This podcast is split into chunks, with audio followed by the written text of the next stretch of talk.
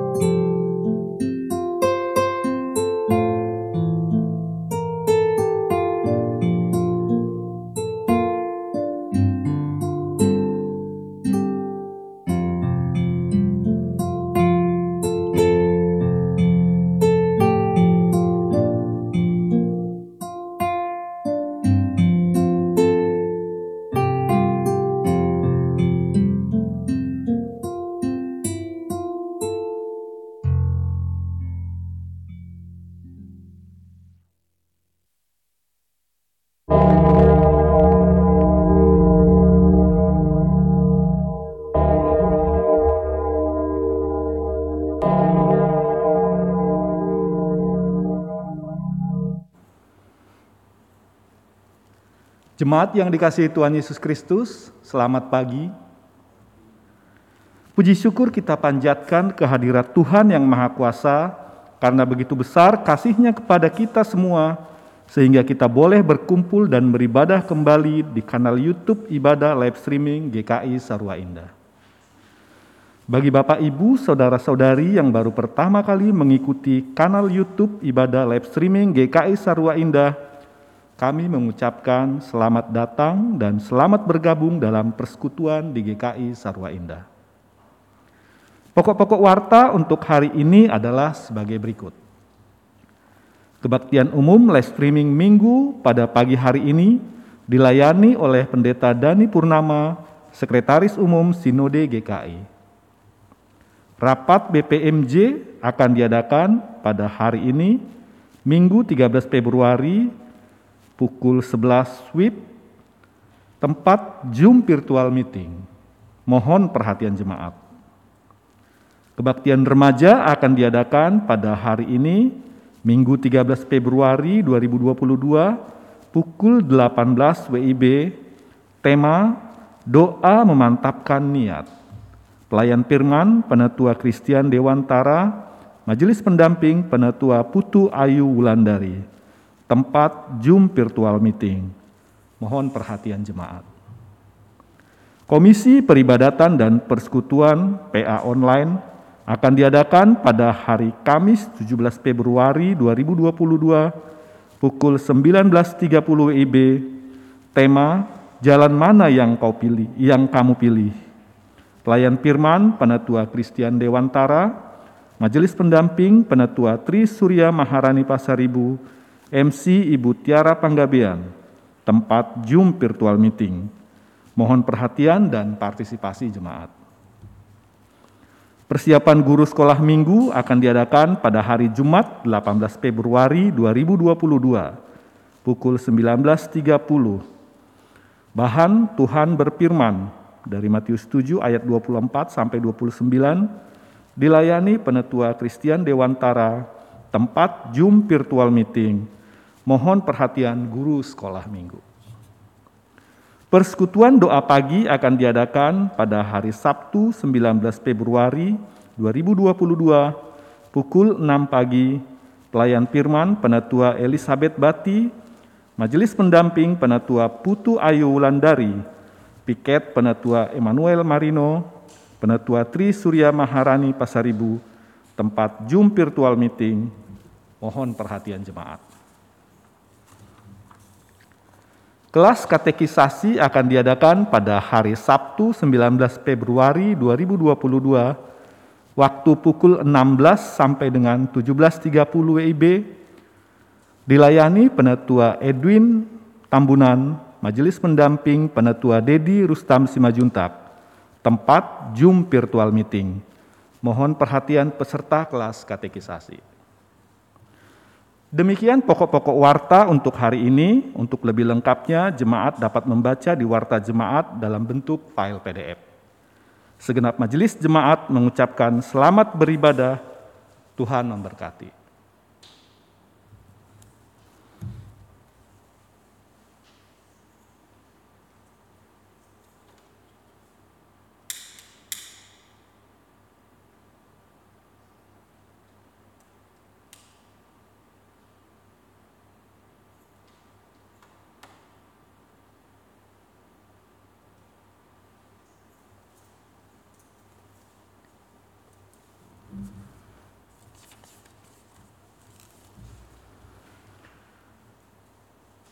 Saudara-saudara, mari kita memulai ibadah ini dengan mempersiapkan hati kita dengan sungguh-sungguh. Kita mengosongkan diri dan masuk dalam hadirat Tuhan. Jemaat kami undang untuk bangkit berdiri. Kita bernyanyi dari NKB 6, bait pertama, ketiga, dan keempat, patut segenap yang ada.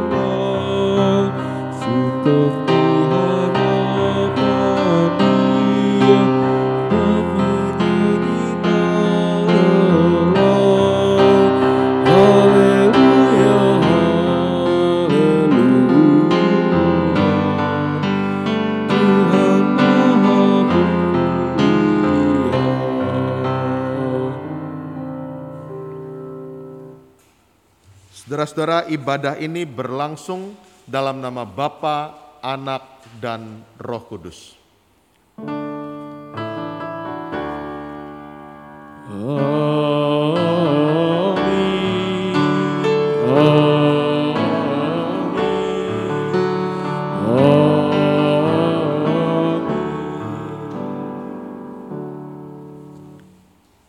Tuhan beserta saudara.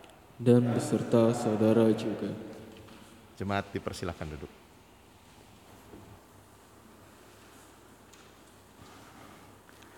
Ia adalah gembala domba. Untuk dia, penjaga membuka pintu dan domba-domba mendengarkan suaranya, dan ia memanggil domba-dombanya masing-masing menurut namanya dan menuntunnya keluar. Jika semua dombanya telah dibawanya keluar, ia berjalan ke depan mereka, dan domba-domba itu mengikuti dia karena mereka mengenal suaranya. David Platt, pendeta di Alabama dan penulis buku, menuliskan demikian. Followers of Jesus don't always know where they are going, but they always know who they are with. Pengikut Yesus tidak selalu tahu ke mana mereka pergi, tetapi mereka selalu tahu siapa yang bersama mereka. Saudara, kita mungkin tidak tahu ke mana Tuhan membawa kita dalam perjalanan kehidupan. Bahkan mungkin kita tidak yakin bahwa saat ini kita sedang mengikuti suara Tuhan ataukah suara duniawi, ataukah suara kehendak itu kehendak diri sendiri. Mungkin kita tersesat, menjauh dari jalan yang ditunjukkan Sang Gembala, yaitu Tuhan sendiri. Tetapi kita selalu tahu bahwa Ia terus menjaga dan beserta kita.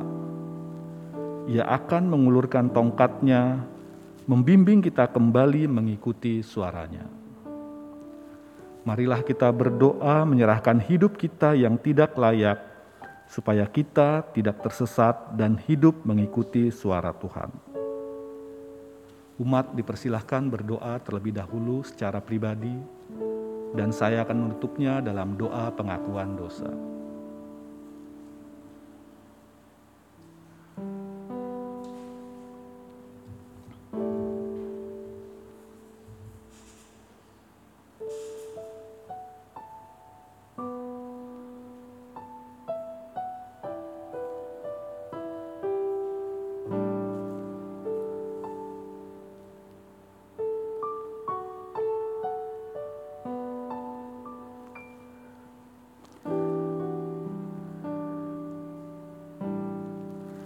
Ya Allah, Bapa yang pengasih,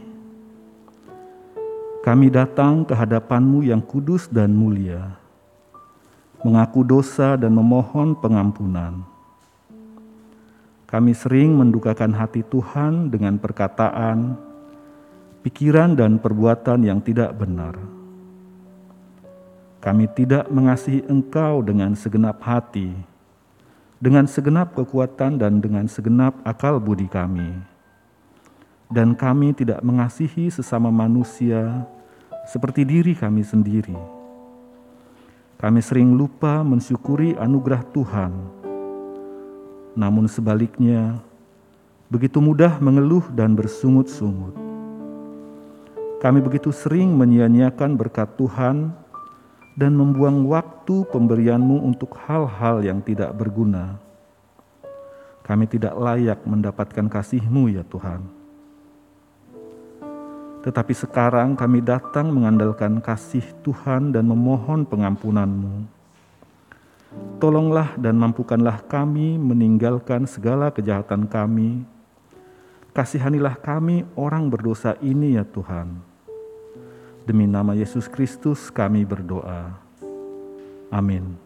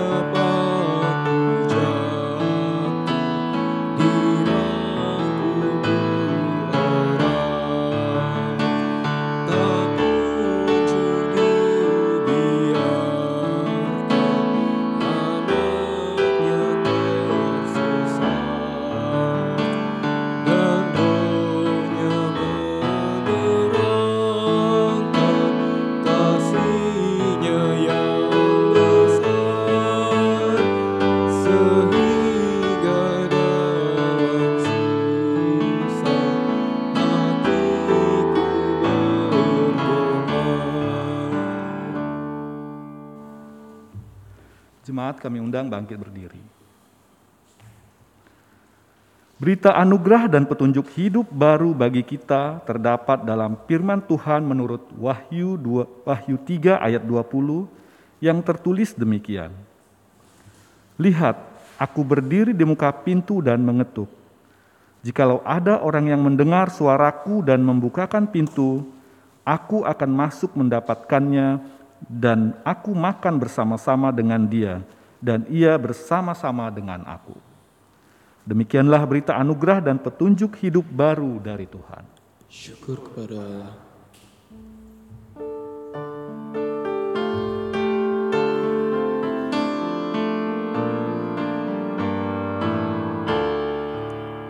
Salam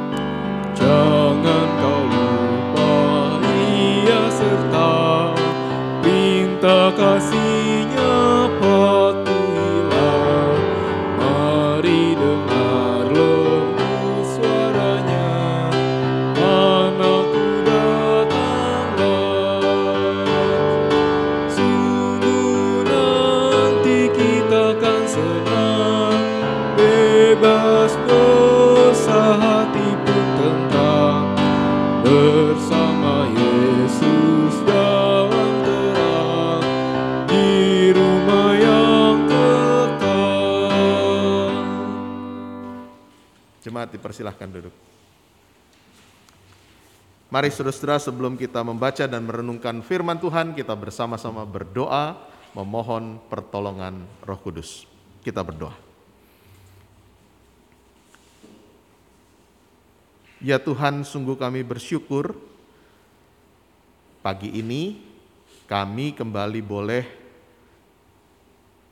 berjumpa dengan Tuhan melalui ibadah yang kami jalani. Memang perjumpaan kami belum terjadi secara langsung di rumah Tuhan di gedung gereja. Tapi kami tahu itu tidak menghalangi kepenuhan cinta kasih Tuhan yang melampaui segala sesuatu untuk kami boleh menikmati perjumpaan yang indah dengan Tuhan. Saat ini Tuhan, kami bersiap juga untuk berjumpa dengan Tuhan melalui pembacaan Alkitab dan perenungan firman-Mu. Kami menyadari kami penuh kekurangan dan keterbatasan, karenanya sungguh kami mohon pertolongan roh kudus, supaya ketika kami membaca dan merenungkan firman Tuhan, roh kudus menolong kami untuk memberi kami kepekaan, mendengar suara Tuhan,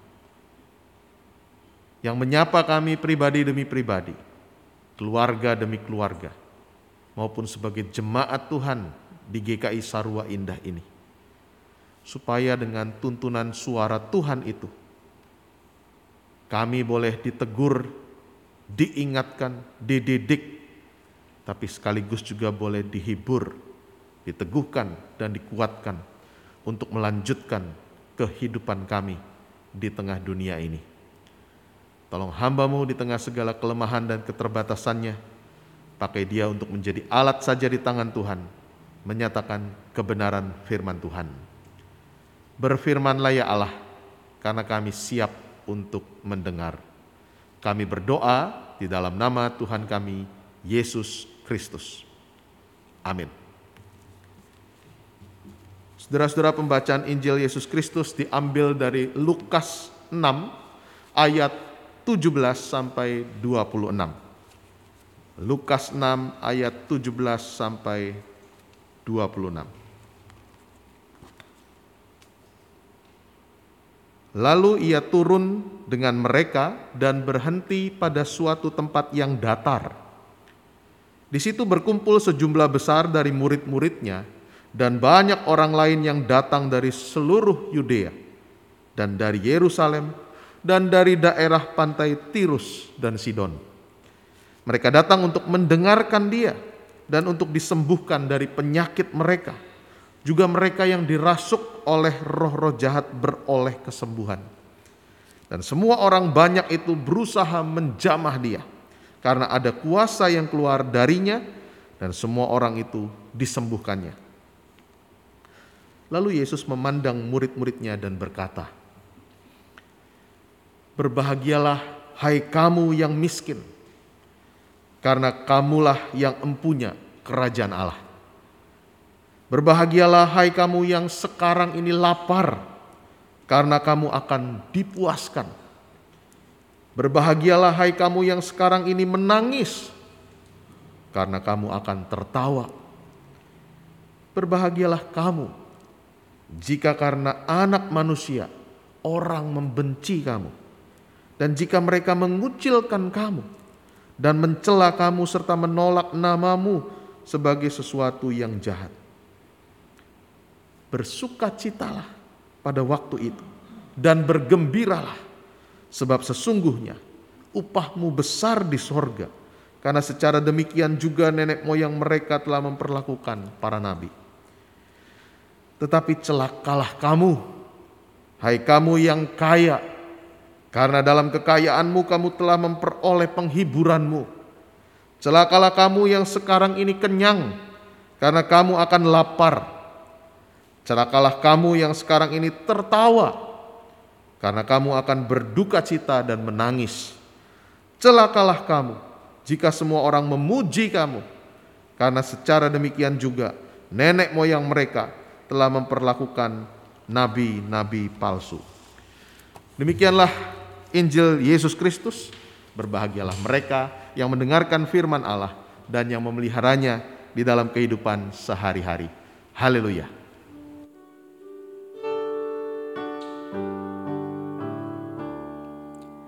Haleluya,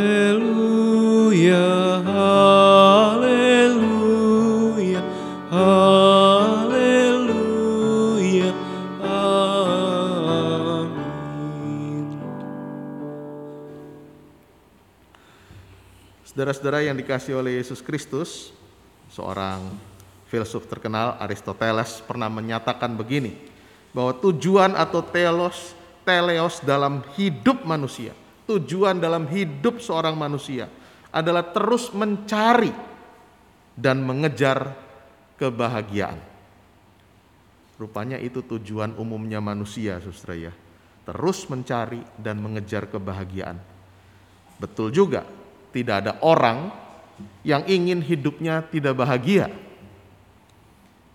Nah, karenanya kemudian kita berpikir bila kita memiliki ini dan itu, ini sebenarnya kemudian menjadi ukuran kita berbahagia. Kalau saya punya ini dan itu, maka saya bahagia. Kalau saya mencapai taraf ini dan itu, maka saya bahagia. Menjadi kaya, memiliki banyak harta, punya barang-barang elektronik paling mutakhir, punya mobil dan rumah yang banyak, usaha yang lancar, atau mencapai prestasi-prestasi tinggi, menjadi ukuran kebahagiaan hidup seseorang di dunia ini, sekarang ini. Maka nilai hidup yang dipunyai orang di zaman sekarang adalah kejar sampai dapat apa yang kau inginkan dan kau maui, supaya engkau bahagia. Itu suara dunia.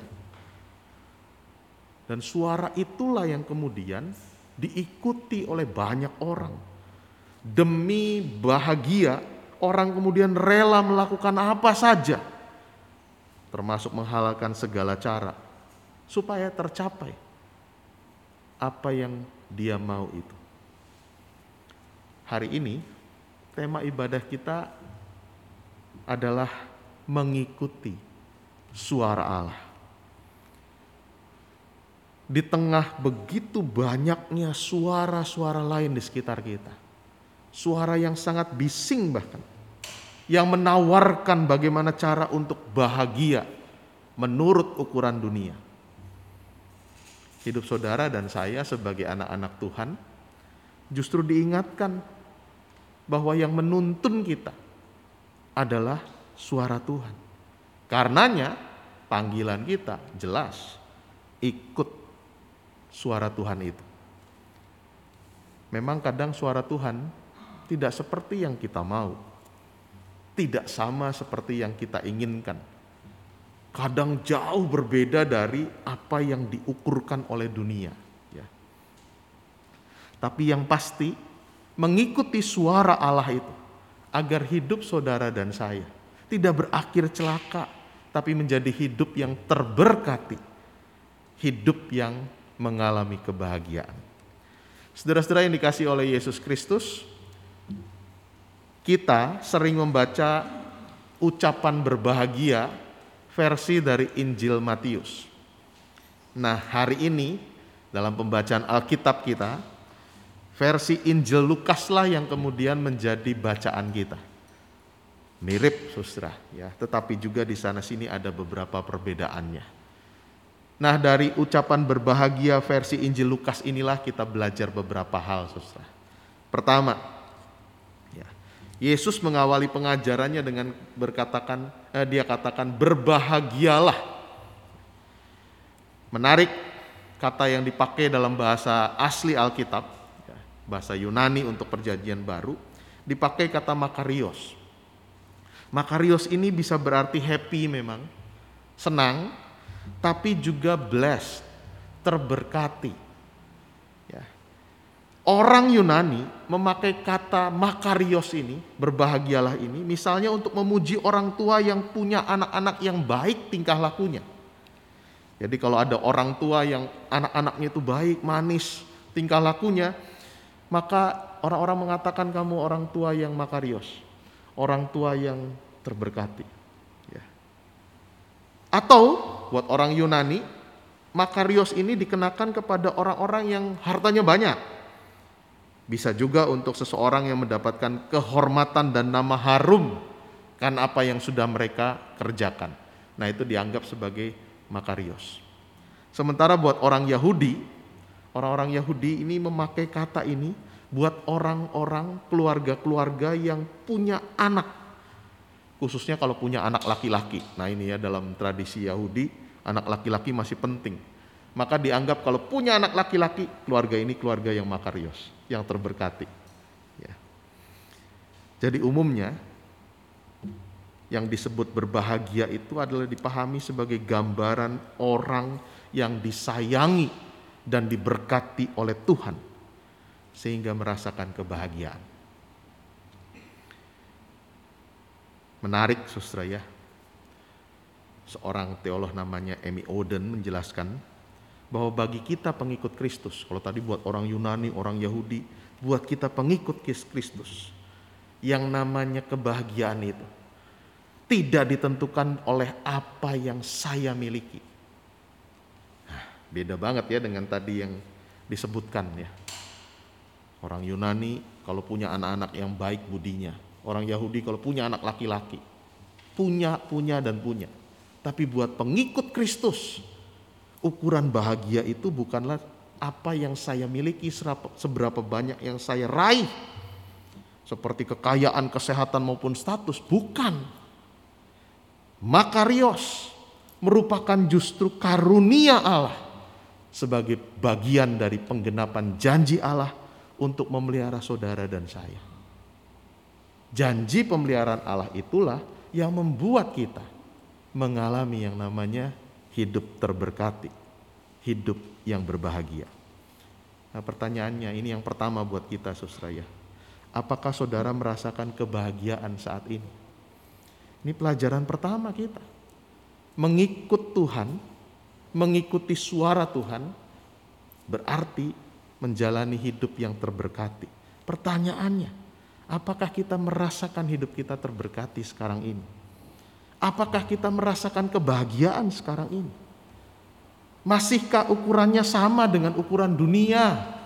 Saya bahagia kalau saya punya ini, punya itu.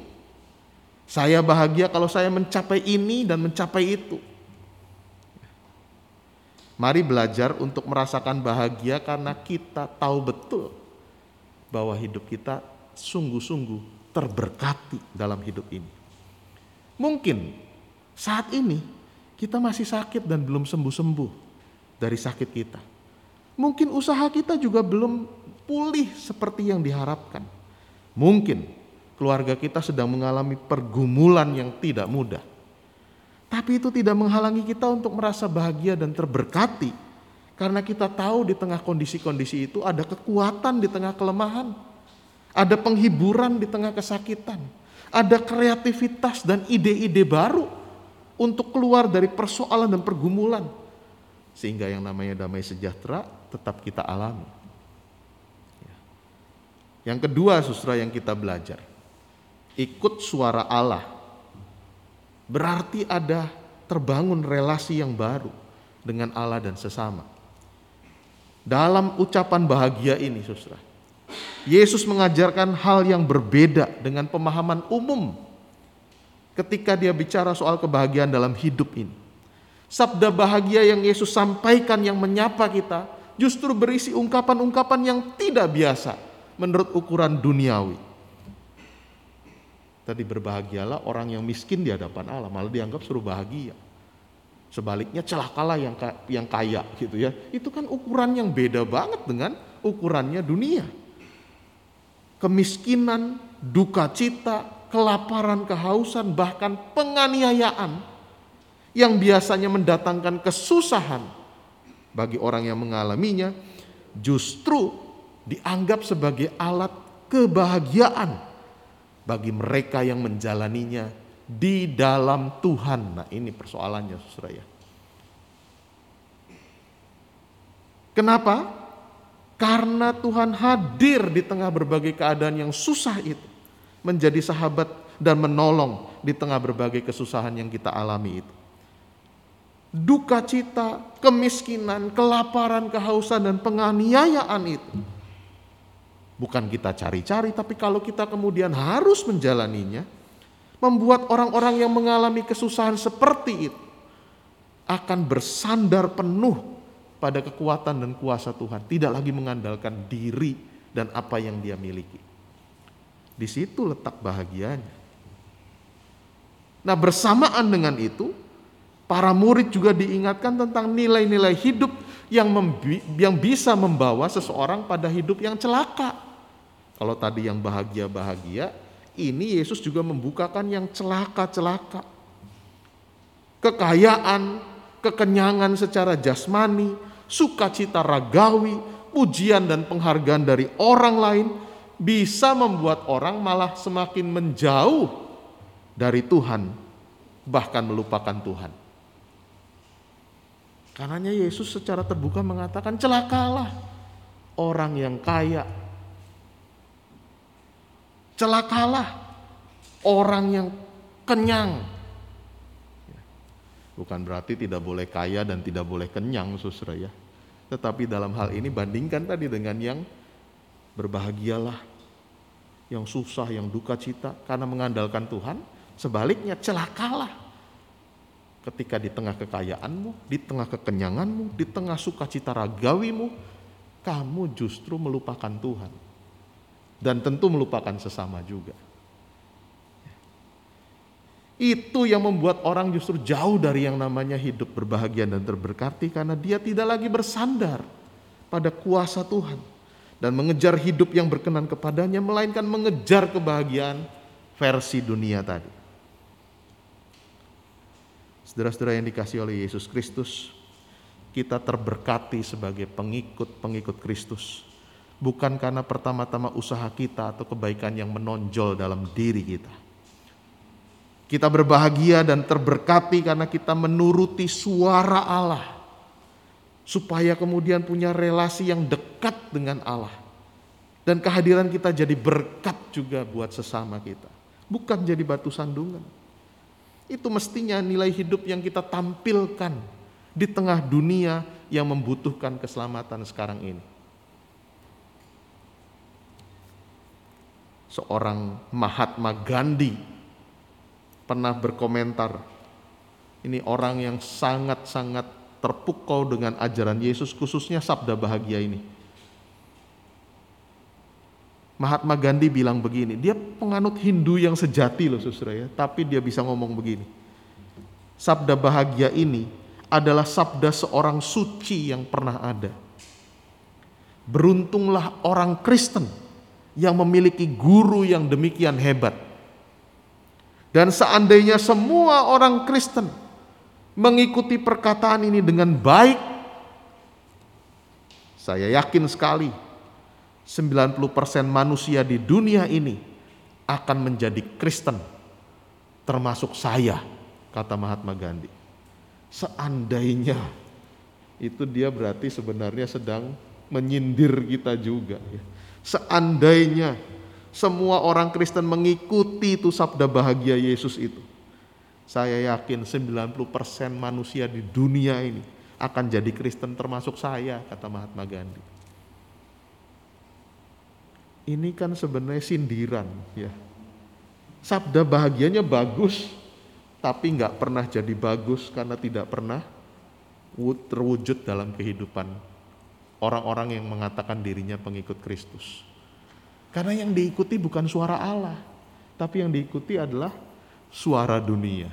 Ya.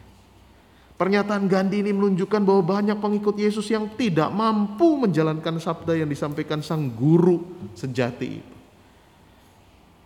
Karenanya kita menjadi orang-orang yang hidupnya bernilai dan merasa berbahagia terberkati. Sekali lagi bukan karena saya punya ini dan itu menurut ukuran dunia, tapi karena saya punya relasi yang dekat dengan Tuhan, yang bergantung penuh pada kuasa Tuhan, dan tidak pernah melupakan Tuhan ketika berbagai hal terjadi dalam kehidupan ini. Hal yang ketiga, saudara, yang kita belajar dari sabda bahagia ini, ikut suara Tuhan berarti ada upahnya. Ya kita sering kali mengatakan upahmu besar di sorga. Kalau menghibur ya, wah kalau udah susah payah ini buat tim multimedia ini yang tadi kerja keras ya untuk menanggulangi kendala yang ada. Banyak orang nggak tahu kan, yang bekerja di belakang layar begitu ya. Lalu kita bilang sudahlah nggak kelihatan memang di mata mata manusia di dunia tapi upahmu besar di sorga. Seringkali begitu ya penghiburannya ya. Kebahagiaan umat Tuhan sering kali dikaitkannya dengan sesuatu yang nanti di sana. Ya. Bukan sekarang ini dan di sini. Ya. Tapi dengan ucapan-ucapan bahagia yang kemudian muncul dalam perkataan Yesus tadi, mau ditegaskan bahwa kebahagiaan umat Allah bukanlah kebahagiaan yang baru dialami di waktu mendatang nanti di sana di akhir zaman. Melainkan sudah dapat dialami, harus dinikmati dalam hidup sekarang ini. Termasuk dalam keadaan yang secara manusiawi justru tampaknya berlawanan dengan kelaziman kebahagiaan duniawi. Nah, benarkah pertanyaannya sebagai umat Tuhan, saudara dan saya sudah mengalami kebahagiaan di saat-saat saat seperti sekarang ini.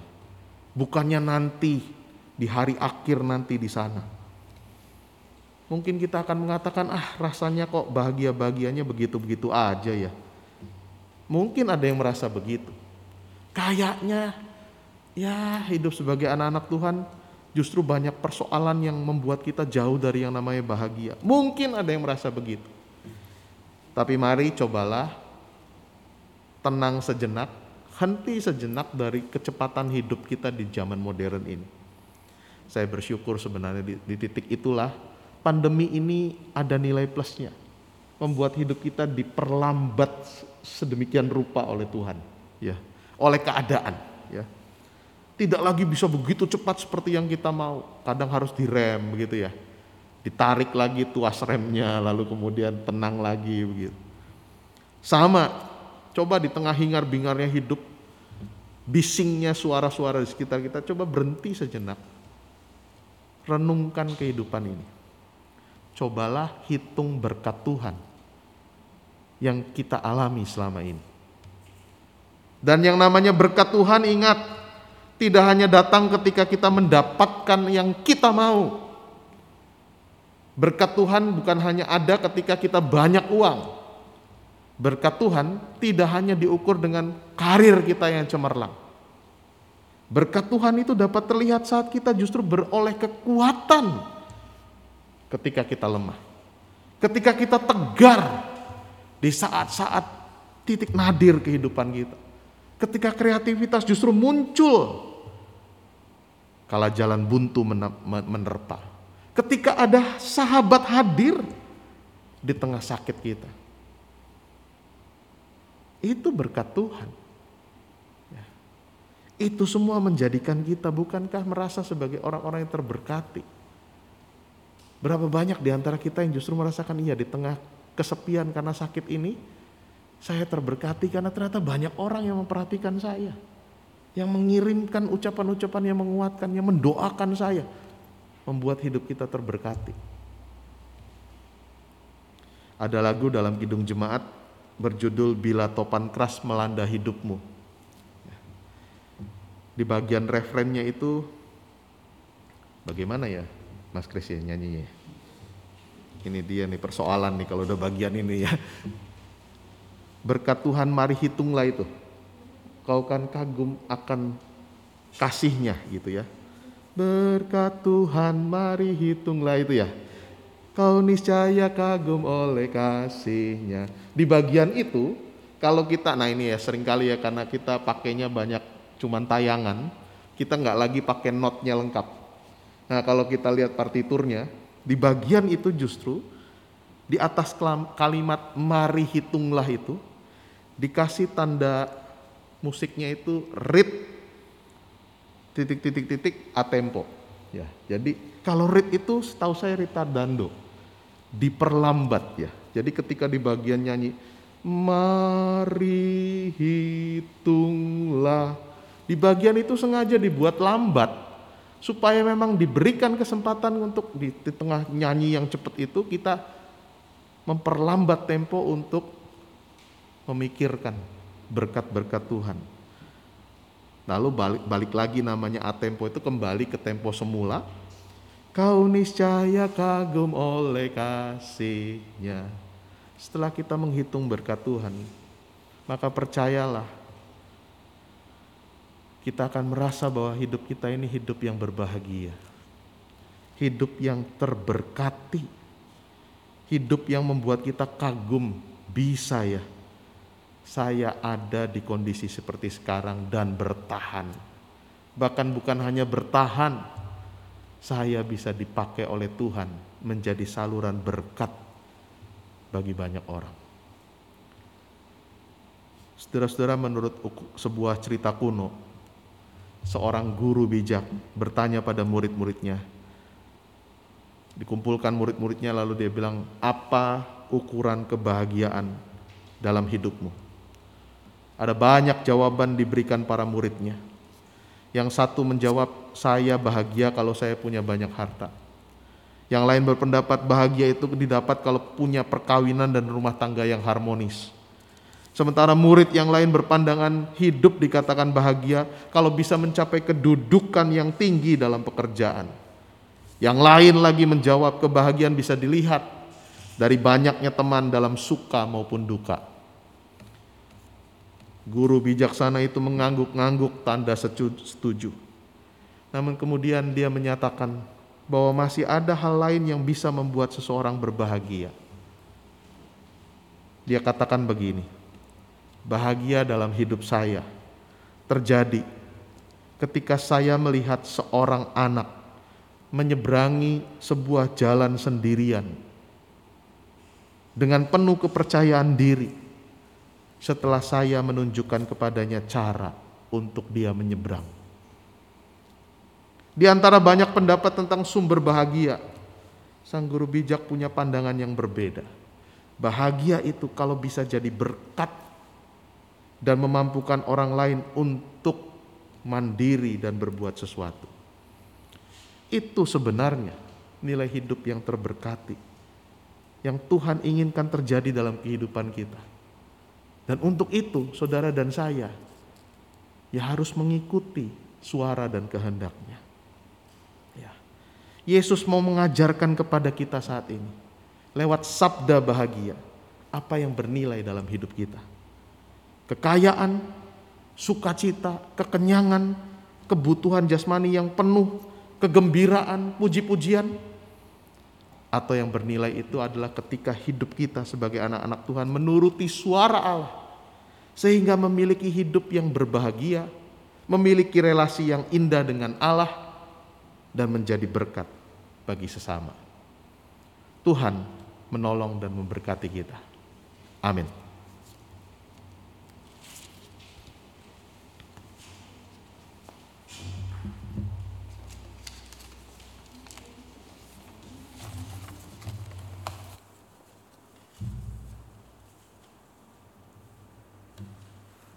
Bapak, Ibu, dan saudara-saudara, kami undang untuk bangkit berdiri.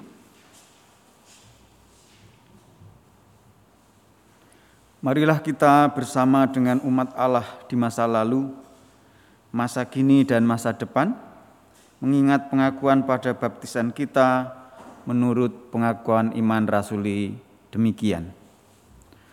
Aku percaya kepada Allah Bapa yang Maha Kuasa, Khalik langit dan bumi, dan kepada Yesus Kristus, anaknya yang tunggal Tuhan kita, yang dikandung daripada roh kudus, lahir dari anak darah Maria, yang menderita sengsara di bawah pemerintahan Pontius Pilatus, disalibkan, mati dan dikuburkan, turun ke dalam kerajaan maut. Pada hari yang ketiga, bangkit pula dari antara orang mati, naik ke surga, duduk di sebelah kanan Allah, Bapa yang Maha Kuasa, dan dari sana ia akan datang untuk menghakimi orang yang hidup dan yang mati. Aku percaya kepada Roh Kudus, gereja yang kudus dan am, persekutuan orang kudus, pengampunan dosa, kebangkitan orang mati, dan hidup yang kekal. Amin. Kami persilahkan duduk kembali. Marilah bersama-sama kita naikkan doa syafaat.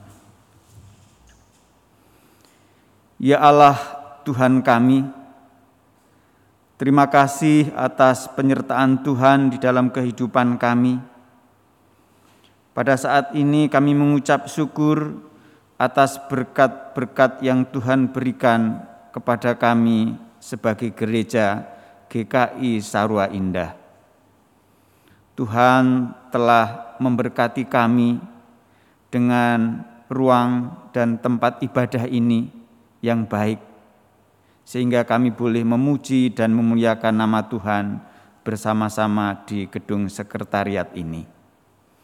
Kami mengucap syukur atas lahan yang Tuhan berikan juga kepada kami di Dusun Tiga.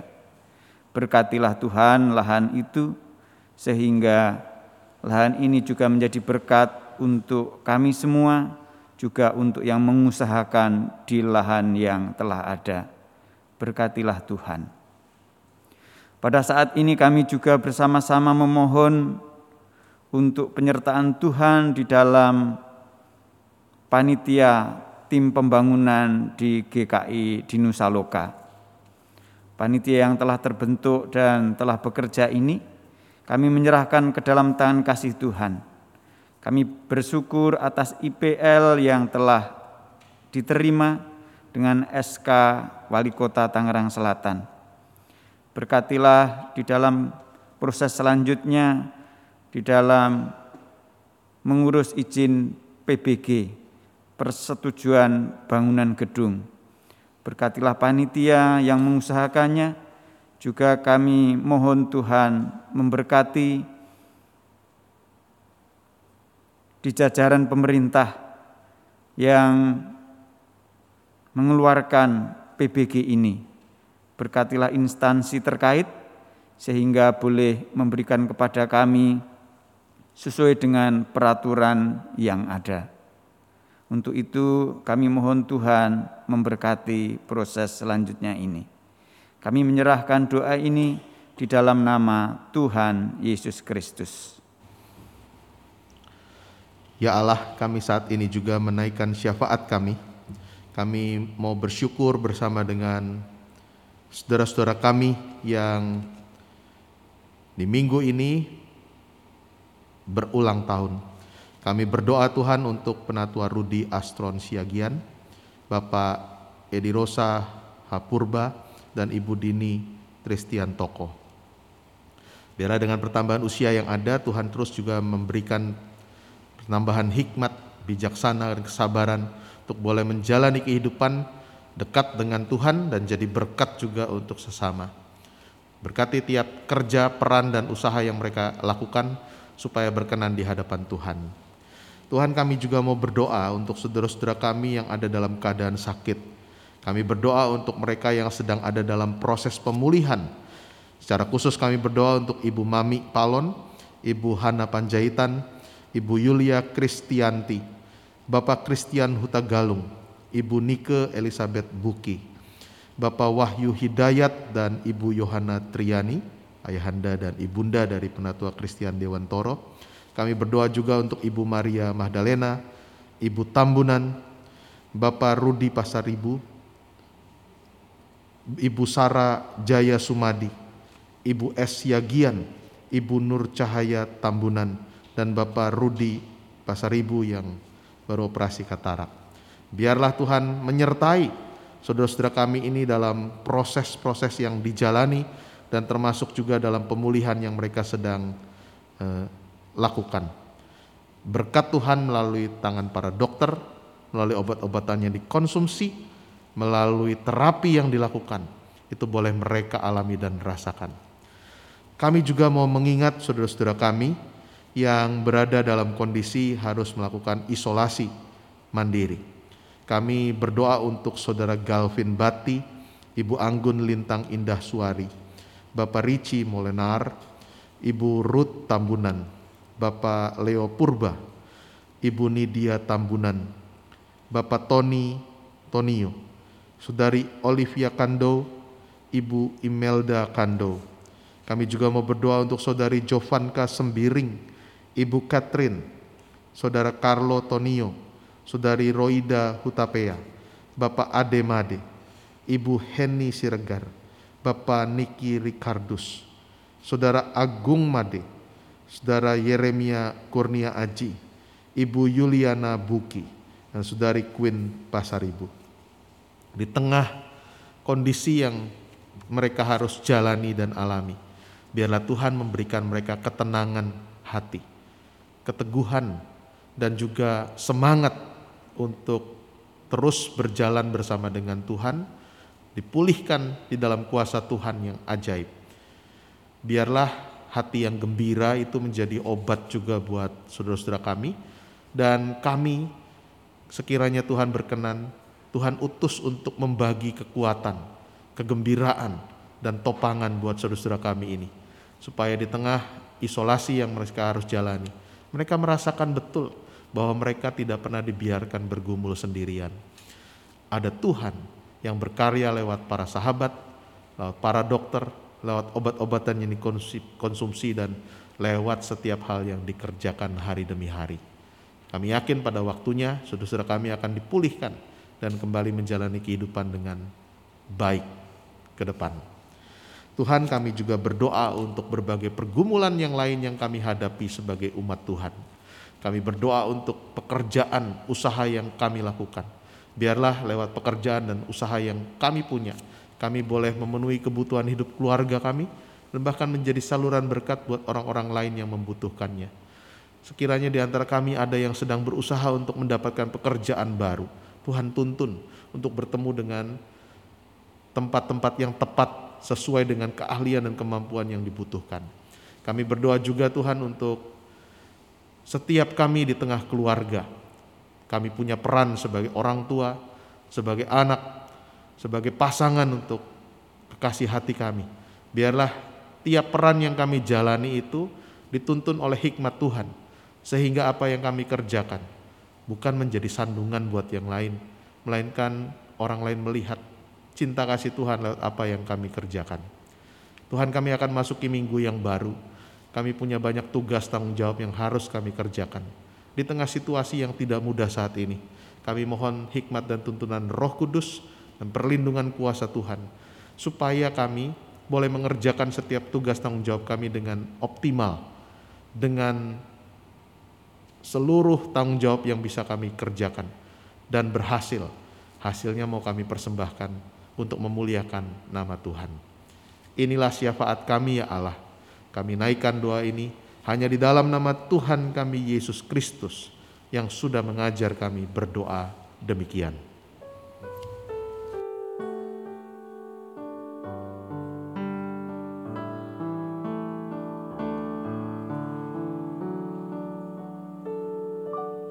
Bapa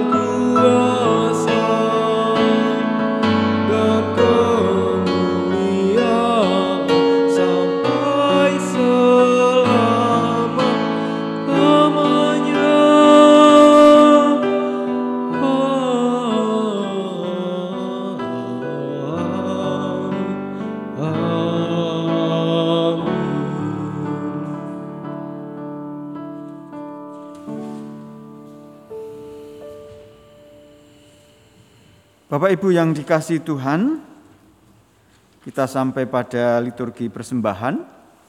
Silahkan menyampaikan persembahan lewat QR code yang telah tersedia di layar Bapak Ibu Saudara, juga dengan cara lain misalnya dimasukkan amplop dan disampaikan kepada majelis atau di sekretariat. Mari kita sampaikan persembahan syukur pada hari ini seraya mengingat akan firman Tuhan dalam Yunus 2 ayat yang ke-9. Tetapi aku dengan ucapan syukur akan kupersembahkan korban kepadamu. Apa yang kunasarkan akan kubayar, keselamatan adalah dari Tuhan. Bersama-sama kita menyampaikan persembahan, kita memuji Tuhan dari Kidung Jemaat 287A, bait pertama sampai yang ketiga. Sekarang beri syukur.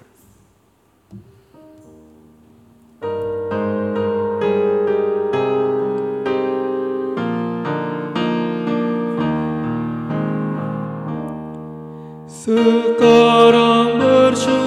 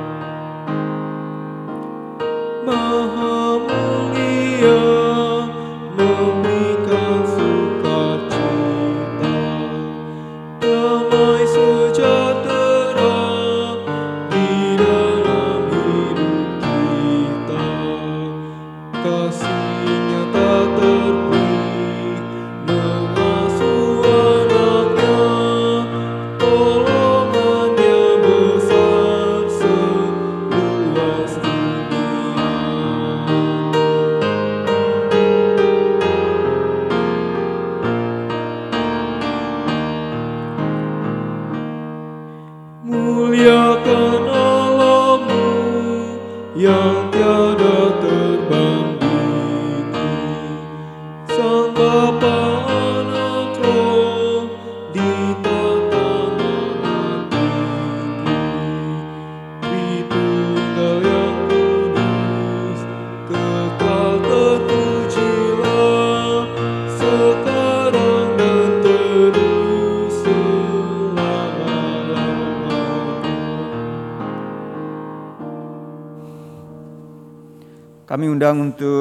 berdiri.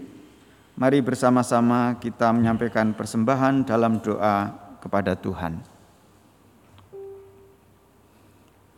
Bapa kami yang di surga, terima kasih atas penyelenggaraan hidup yang Tuhan berikan kepada kami, sehingga kecukupan ada di dalam kehidupan kami. Kalau kami menghitung berkat yang datangnya dari Tuhan, kami akan heran oleh kasih-Mu itu. Terima kasih Tuhan. Pada saat ini bersama-sama kami menyampaikan persembahan syukur kami. Ya Tuhan, berkatilah persembahan syukur ini, sehingga di dalam kehidupan kami bergereja boleh untuk mencukupkan kehidupan kami bergereja, juga untuk saudara-saudara kami di dalam pelayanan pada gereja ini. Berkatilah kami semua sebagai pengelolanya. Kami percaya Tuhan akan memberkati. Kami sampaikan doa ini di dalam nama Tuhan Yesus Kristus. Amin. Ku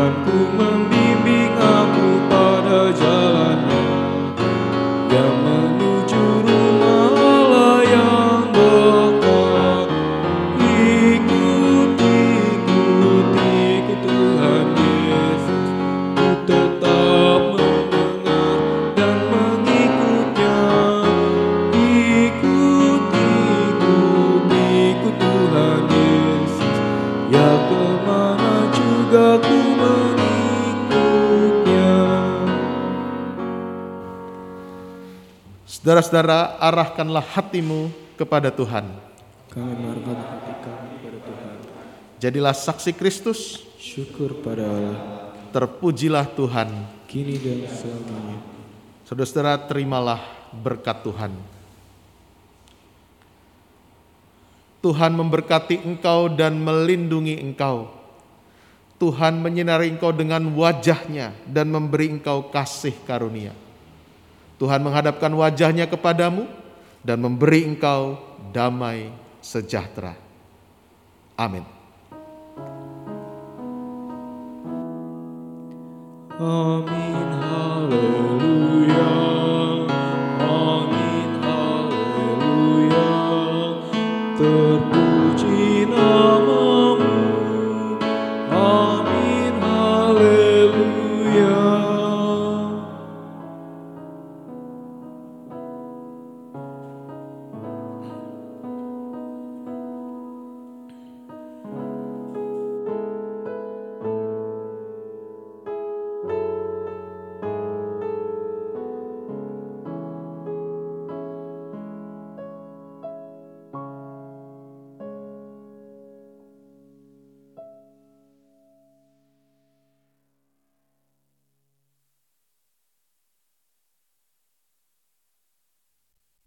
Bapak Ibu, eh, kami tunggu kehadirannya untuk bergabung bersama kami di dalam PA hari Kamis pukul 7.30 malam.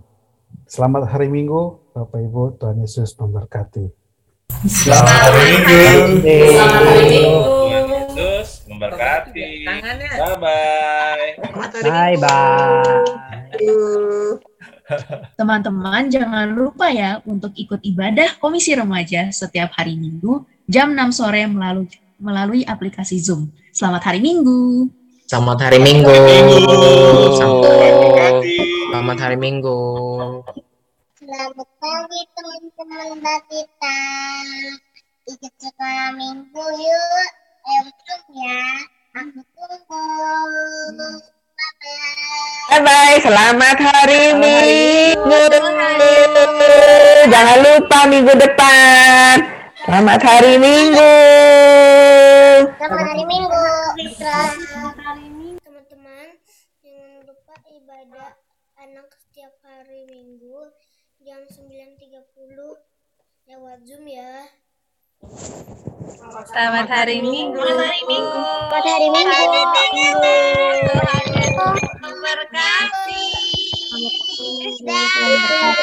Selamat pagi jemaat yang terkasih. Eh, kami baru saja menyelesaikan doa pagi hari ini dan kami mengajak Bapak Ibu saudara-saudari yang terkasih untuk bergabung bersama kami dalam doa pagi GKI Sarwa Indah setiap hari Sabtu jam 6 pagi. Sampai bertemu di doa pagi dan selamat hari Minggu. Selamat hari Minggu. Hari Minggu. Selamat hari Minggu. Selamat pagi, Bapak Ibu anggota usia lanjut. Ditunggu kehadirannya di PA Kul yang dilaksanakan satu bulan satu kali, tepatnya hari Jumat pukul 10 minggu kedua di tiap bulannya.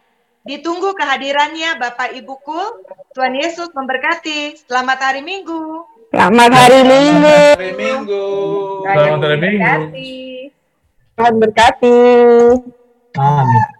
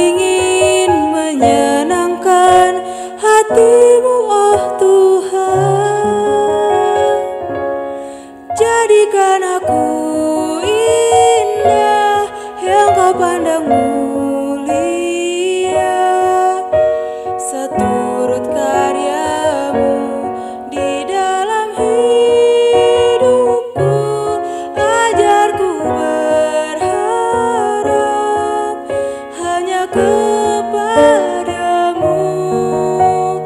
Taat dan setia